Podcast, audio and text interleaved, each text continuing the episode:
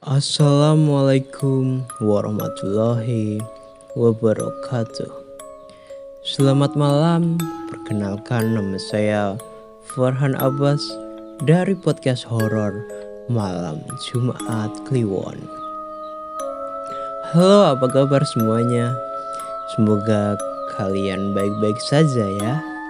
Dan pada malam hari ini saya akan membawakan kisah mistis untuk kalian semua. Kisah mistis kali ini bertemakan bocah punya teman kasat mata. Oke, seperti apa kisahnya? Mari kita simak. Ayu si anak lucu. Aduh, lucu banget anaknya. Sini yuk gendong tante. Jika aku bisa berteriak, tidak, tentu aku sudah melakukan saat itu. Tetapi aku tidak sampai hati mengucapkannya. Terbawalah aku ke sana kemari. Ya, mereka itu teman-teman orang tuaku. Seperti dugaan kalian, aku satu-satunya anak kecil di komplek ini. Tidak ada teman sebaya. Anak-anak lainnya berumur 5 7 tahun di atasku bukan hanya karena aku berumur paling muda. Kerap kali aku memakai pakaian yang super mengemaskan. Kupluk bulu-bulu dengan boneka beruang kecil di tengahnya yang berwarna coklat muda. Tak ketinggalan setelan baju dengan motif serupa dan sepatu boots yang berbunyi cit-cit bila dipijakan ke tanah. Selain menonton kartun favorit di televisi, Aku suka diajak jalan dengan kedua orang tuaku, menyusuri komplek perumahan yang sejuk dan rindang akan pepohonan. Denganku yang duduk di atas sepeda imut warna pink dan tidak jarang selalu dihentikan oleh tetangga komplek. Ah, padahal aku ingin sekali sampai ke taman dengan cepat dan berlari mengejar burung-burung itu. Taman Indah namanya seindah pemandangan yang disajikan setiap waktu. Burung-burung yang terbang rendah, bunga cantik warna-warni, dan suasana riuh sendau gurau dari pendatangnya. Tentu aku langsung berlarian di taman ketika ayah menurunkanku dari sepeda kecil itu. Menghiraukan teriakan ibu. Nak, pelan-pelan nanti jatuh. Dan wush, makin kencang gerakan kakiku. Ayah tertawa selagi mengawasiku dari tempat duduk kayu, sedangkan disusul ibu yang sudah pasti gabung dengan teman-temannya. Tiba-tiba aku berpikir, mengapa tubuh kecilku tidak bisa terbang layaknya burung-burung itu? Terbang tinggi menembus awan beramai-ramai dengan burung lainnya, melenggak-lenggok ke kanan dan ke kiri, lalu mendarat untuk sekedar melepas dahaga di pinggir danau Ah, seru sekali ya punya teman banyak. Setelah menengadahkan kepalaku ke atas, melihat melihat sekelompok burung itu, aku menghampiri taman bunga di samping danau. Melihat cantiknya berbagai warna bunga dan sesekali menyentuhnya dengan jari telunjukku, tak lama kupu-kupu yang sangat indah datang menghampiri salah satu bunga. Aku tidak mau mengganggunya, namun aku menunggunya. Melihat bagaimana kupu-kupu itu mendaratkan kaki-kaki lentiknya, mendekatkan kepala seakan ingin meminum sesuatu, mengepakkan sayapnya dan terbang kembali. Nak, sini ayo makan dulu sandwichnya. Teriakan ibu menyadarkanku jikalau aku masih berdiri di depan taman bunga. Dengan segera aku berlari menghampiri ibu yang sudah duduk di karpet selagi menyiapkan sandwich dan beberapa minuman. Namun sebelum itu, aku berlari sangat kencang dengan gelak tawa menghampiri ayah yang jongkok dan membuka kedua tangannya seakan ingin menangkapku. Hap, langsung aku diangkat setinggi mungkin dengan kedua tangan kekar ayah. Ayah, aku bisa terbang, teriakku. Ayah dan ibu menertawakanku dari bawah. Gelak tawa mereka seperti tidak percaya bahwa tubuhku bisa terbang. Padahal aku bisa. Lihat. Lain halnya dengan di dalam rumah. Aku juga suka bermain sendiri dengan bonekaku. Ayah dan ibu sering memberiku boneka dengan berbagai bentuk. Beruang berwarna coklat, panda berwarna hitam putih, boneka kartun Popeye, dan masih banyak lagi. Sampai-sampai satu almari penuh dengan koleksi boneka-bonekaku itu. Tertata rapi mulai dari rak paling atas sampai paling bawah bersih tanpa debu berkat ibu. Tiap sudut rumah itu tidak luput menjadi tempatku bermain boneka. Kamar adalah tempat favoritku karena empuknya kasur membuatku dan memantulkan tubuh dan boneka-bonekaku itu. Kamar kakak lebih tepatnya. Hawa yang dingin dan kasur yang luas, aku sangat menyukai tempat ini. Setelah bermain dengan beberapa boneka ini, aku menginjakan kedua kakiku di kasur selagi memasang kuda-kuda yang kuat untuk melompat-lompat. Sewaktu tubuhku di atas, hatiku sangat senang yang dapat dilihat dari gelak tawaku. Aku tahu ada seseorang yang memperhatikanku dengan tatapan sinisnya. Ya, dia kakakku. Kakak laki-laki yang terpaut 15 tahun ini sangat membenciku ketika melompat-lompat di kasurnya dan boneka yang berserakan di dalam kamarnya. Kadang aku meledeknya dengan menjulurkan lidah, tetapi dia tidak akan berani memarahiku karena tentu saja aku anak yang paling dimanja oleh kedua orang tuaku. Tinggal berlari ke ibu selagi menangis dan mengatakan, Ibu, kakak memarahiku. Pasti kakak sudah dihabis diomel, diomelin ibu. Hahaha, syukurin. Entah mengapa dia tidak pernah mau ikut bermain boneka denganku. Padahal dia tahu persis jalan cerita dari permainan boneka ini. Namun dia memilih berdiri di ujung pintu dengan tangan yang terlipat di dada selagi melirikiku dengan muka sinisnya tidak mengeluarkan sepatah kata pun hanya mematung seperti itu. Kamu lagi begadang, lapar, atau pengen ngemil, mau cemilan yang enak, manis, murah, tenang aja, aku kasih tahu solusinya. Cocok nih buat teman kamu begadang sambil dengerin podcast horor. Sekarang ada roti kembang golden Roti kembang ini terdapat banyak varian rasa. Ada coklat, ovaltine, green tea, tiramisu, keju, dan kombinasi lainnya. Tunggu apa lagi? Buruan beli. Hanya 15.000 saja bisa kamu temukan di outlet terdekat di kota Anda. Roti kembang golden nikmat tiada tara. Jangan salah sangka terlebih dahulu kepada kakak.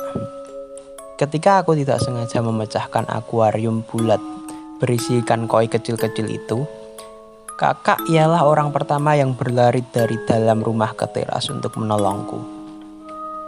Dengan sigapnya, aku digendong dan menyeka air mataku karena terkejut dengan jatuhnya akuarium itu. Dia juga tak meneteskan obat merah ke tangan kecilku yang sempat terkuras sedikit akibat pecahan kaca akuarium. Selesai diobati, aku dibaringkan di kasurnya yang empuk itu. Tentu setelah dibaringkan di kasur, aku tidak bisa tertidur langsung. Sempat aku mendengar sayup-sayup suara dari luar kamar. Ayo kenapa kak? Kamu menggodanya ya? Tidak ibu, aku Ayu tadi sedang melihat ikan koi di teras depan. Lalu Mengapa sampai dia menangis dan tangannya mengeluarkan darah? Mungkin Ayu tidak sengaja mendorong akuarium itu. Ibu tahu sendiri Ayu anak ceroboh sampai tidak ada yang mau berteman dengannya. Bagus, jaga perkataanmu. Nanti dia sedih mendengarnya. Ah, jadi seperti itu. Aku mendengar pembicaraan kakak dengan ibu barusan dengan jelas benar adanya jikalau kakak membenciku. Perkataan kakak benar adanya. Seringkali aku menjatuhkan suatu benda dan mengakibatkan benda tersebut rusak, bahkan pecah. Namun lagi-lagi ayah dan ibu masih memanjakanku. Tidak peduli barang-barangnya rusak dan pecah. Mereka tetap menyayangiku dan membelikan semua permintaanku. Bagus si kakak misterius. Aku sangat sayang dengan adikku. Bagaimana tidak? Aku hanya mempunyai satu adik dan jarang jarak usia di antara kita begitu jauh. Kadangkala ketika aku sedang mengajak jalan, adikku banyak orang mengatakan kalau itu adalah anakku. Bukan adikku. Padahal aku sudah mencoba untuk menjelaskan. Kalau aku dan adikku usianya terpaut jauh tetapi mereka pasti mengatakan Ah itu pasti anakmu. Jujur saja tak apa. Sabar ya Kau harus bekerja lebih giat lagi. Huff Seperti itulah tanggapan mereka yang tak tahu cerita aslinya. Malas juga ingin menanggapinya. Biasanya aku akan membiarkan mereka yang sudah menganggapku seperti itu. Percuma membuang tenaga dan pikiran Mungkin menurut orang lain Adikku anak yang lucu dan menggemaskan Memang ayah dan ibu suka sekali memakaikan baju-baju yang lucu. Tampak luar aku sepakat akan hal itu. Namun, tahu kesehariannya seperti apa, dia tidak lucu. Dia gadis kecil yang aneh. Di komplek rumahku, tidak ada yang sekecil dia. Kebanyakan umurnya 11-12 denganku. Maka dari itu, ayah dan ibu juga suka membelikan dia boneka agar dia tidak merasa bosan di rumah. Tapi menurutku ada hal yang tidak beres dengannya, dan mungkin hanya aku di keluarga ini yang menyadarinya. Sejak mengetahui dia tidak memiliki teman, justru aku tahu betul dia memiliki satu teman yang sangat setia. Ke mana pun dia berada, bermain apa pun itu di rumah dan di luar rumah, apa pun yang sedang dilakukannya, dia sedang ditemani. Aku juga menyadarinya ketika waktu itu mengajaknya jalan kaki mengitari komplek. Dia tidak pernah diam, mengatakan hal apa pun itu yang dia lihat seperti kamu jangan di tengah, di sini di pinggir. Kalau jalan harus di pinggir ya. Ayo ikut aku dan kakak jalan-jalan. Wah, kamu hebat bisa terbang. Aku tidak mau menolehkan kepalaku. Aku tahu betul itu siapa dan bagaimana bentuknya. Dalam hati, aku ingin tidak ingin berkomunikasi dengannya karena aku tahu konsekuensi yang akan aku terima setelahnya. Lemas tak berdaya.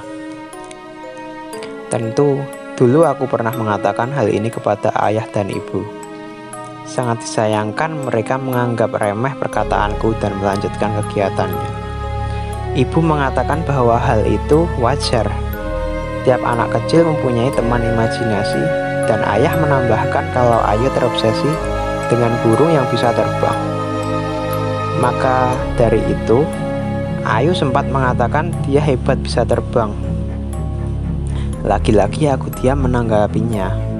Aku juga sudah menduga akan jawaban apa yang terjadi nanti jikalau aku tetap kekeh mempertahankan argumentasiku. Entah mengapa mereka tidak percaya dengan setiap omongan atau argumentasi yang aku keluarkan. Ya, aku memiliki kemampuan yang tidak semua orang memilikinya. Ah, aku pikir ini pemberian Tuhan. Dengan pemikiran seperti itulah yang membuatku tidak takut akan hal-hal seperti itu.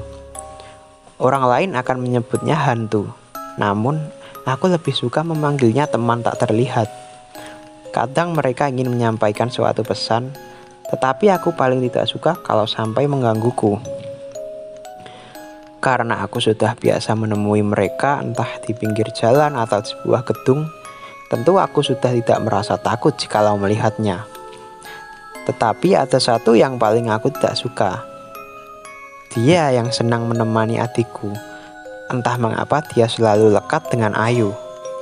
Seperti tidak ada bosannya mengikuti dari ujung ke ujung. Seperti sekarang ini, aku berdiri di pintu kamarku mengawasi Ayu. Bukannya aku tidak mau ikut bermain dengannya. Bermain dengan Ayu sangatlah menyenangkan. Namun aku benci hal ini. Setiap Ayu mengeluarkan boneka-bonekanya dari almari di samping kasur dan meletakkannya di atas kasurku, Secara otomatis dia duduk di samping Ayu dan menatapnya tajam seakan tidak mau kehilangan satu detik pun pergerakan Ayu. Sebelum melanjutkan cerita, ngomong-ngomong soal cerita horor nih, aku punya berita viral tentang hilangnya seorang bocah misterius. Viral kisah hilangnya seorang bocah yang merupakan warga desa Kenongomulyo, Kecamatan Kuntoro Nadi, Kabupaten Magetan, viral di media sosial. Bocah berusia 8 tahun yang diketahui bernama Okta itu hilang secara misterius sejak Sabtu 23 Oktober 2021 dan ditemukan keesokan harinya Minggu 24 Oktober 2021. Warga pun menduga jika bocah itu telah disembunyikan makhluk halus. Pasalnya, ia ditemukan saat waktu subuh. Sang bocah berbaring di bawah pohon pisang yang terkenal angker. Lokasi ditemukan bocah itu berdekatan dengan SD Kenongomulyo, tempatnya bersekolah. Namun, hilangnya Okta karena makhluk gaib dibantah Kepala Desa Kenongomulyo, Kecamatan Muntoro Nadi, Heri Suwarno. Berdasarkan informasi yang dihimpun, bocah tersebut awalnya bermain hujan dengan teman-temannya. Namun saat menjelang maghrib, teman-temannya Okta pulang, sementara Okta tak mau pulang karena takut dimarahi orang tuanya. Sehingga bocah itu pun lebih memilih bersembunyi di bawah pohon pisang hingga ditemukan warga dalam kondisi lemas keesokan harinya. Kabar itu salah satunya diunggah akun Instagram @berita_magetan. Sejumlah warganet pun memberikan tanggapan mereka terkait hilangnya bocah tersebut. Mereka pun percaya tak percaya dengan alasan makhluk gaib yang telah menyembunyikan sang bocah. Itu mungkin main terus ketiduran di situ atau gimana yang logis aja, ujar Ed Ferian. Terus ada lagi nih, wayah surup, anak-anak harus di rumah agar tidak diculik. Kejadian diculik jin benar adanya, dan bukan mitos kalau surup setan bertebaran yang mana dapat menculik anak atau orang musola. Balas Ed Romang Mantuk. Mungkin aku terlihat menatap sinis, tapi bukan menatap Ayu. Aku menatap dia, takut akan hal yang tidak diinginkan terjadi. Aku terus mengawasinya. Kadangkala dia ikut tersenyum ketika Ayu sedang tertawa. Waktu tangannya ingin menggapai Ayu, aku segera berlari dan menggendong Ayu untuk keluar dari kamarku. Ayu nampak kebingungan melihatku yang tiba-tiba menggendongnya. Tetapi aku mengalihkan untuk melihat ke awan yang ada burung-burung berterbangan. Malamnya, tepat pukul 10, Aku mencoba untuk merebahkan badanku yang sudah lelah seharian menjaga Ayu. Tentu jika ingin tidur, lampu kamar dimatikan dan pintu ditutup. Hening yang membuatku tenang dan cara cepat membuatku terlelap. Setelah beberapa detik, aku menutupkan kedua mataku. Ada perasaan di mana aku sedang diawasi. Seharusnya pukul sekarang, ayah, ibu maupun Ayu sudah tidur lelap. Namun siapa yang mengawasiku selarut ini?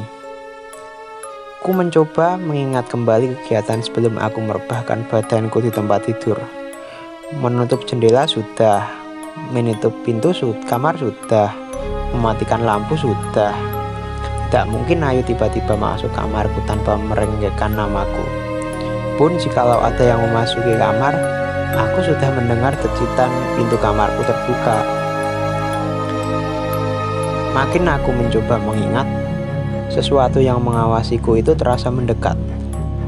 Rasa-rasanya aku tahu aura ini siapa pemiliknya. Aku mencoba untuk menghiraukannya dan berganti posisi menghadap tembok. Semakin aku ingin melupakannya, semakin dekat makhluk ini. Ada sedikit rasa takut dalam benak diri ini. Kata orang, derajat manusia di atas derajat makhluk itu. Jika kita memberanikan diri untuk menghadapinya, maka dia akan mundur ketakutan. Perkataan itu yang ada di benakku sekarang. Mau tidak mau, aku harus kembali di posisi tidur terlentang dan akan membuka mata untuk menunjukkan keberanianku. Oke, saatnya aku memberanikan diri. Aku membalikan tubuhku ke posisi terlentang dan membuka kelopak mata perlahan. Tepat saat mataku terbuka lebar, aku melihat makhluk itu untuk pertama kalinya menatap tajam ke arahku, membungkukkan badannya dari samping kasurku dan menyeringai. Bagus, katanya. Itulah cerita horor yang dapat saya bacakan. Mungkin cukup sekian cerita untuk hari ini. Terima kasih telah mendengarkan. Semoga cerita ini dapat menghibur pendengar sekalian. Untuk penutup, mari kita dengarkan request lagu dari Mas Rizky yang berjudul The Hear Song. Saya Farhan Abbas, memohon maaf jika ada kesalahan kata dan sampai jumpa di cerita horor berikutnya.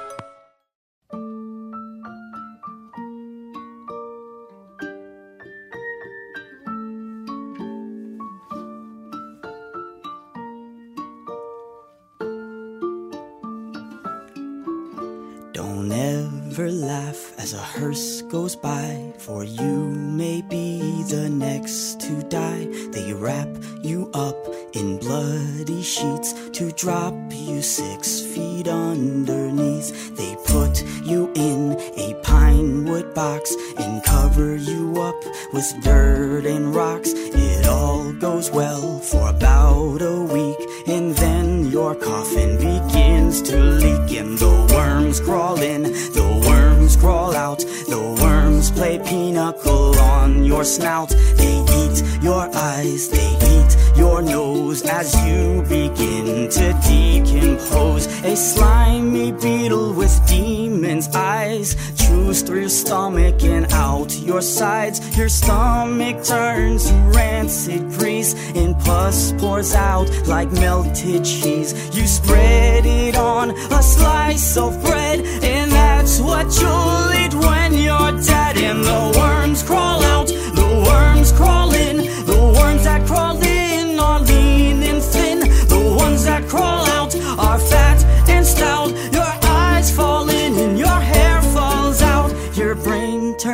into maggot pie. Your liver starts to liquefy. And for the living, all is well as you sink further into hell. And the flames rise up to drag you down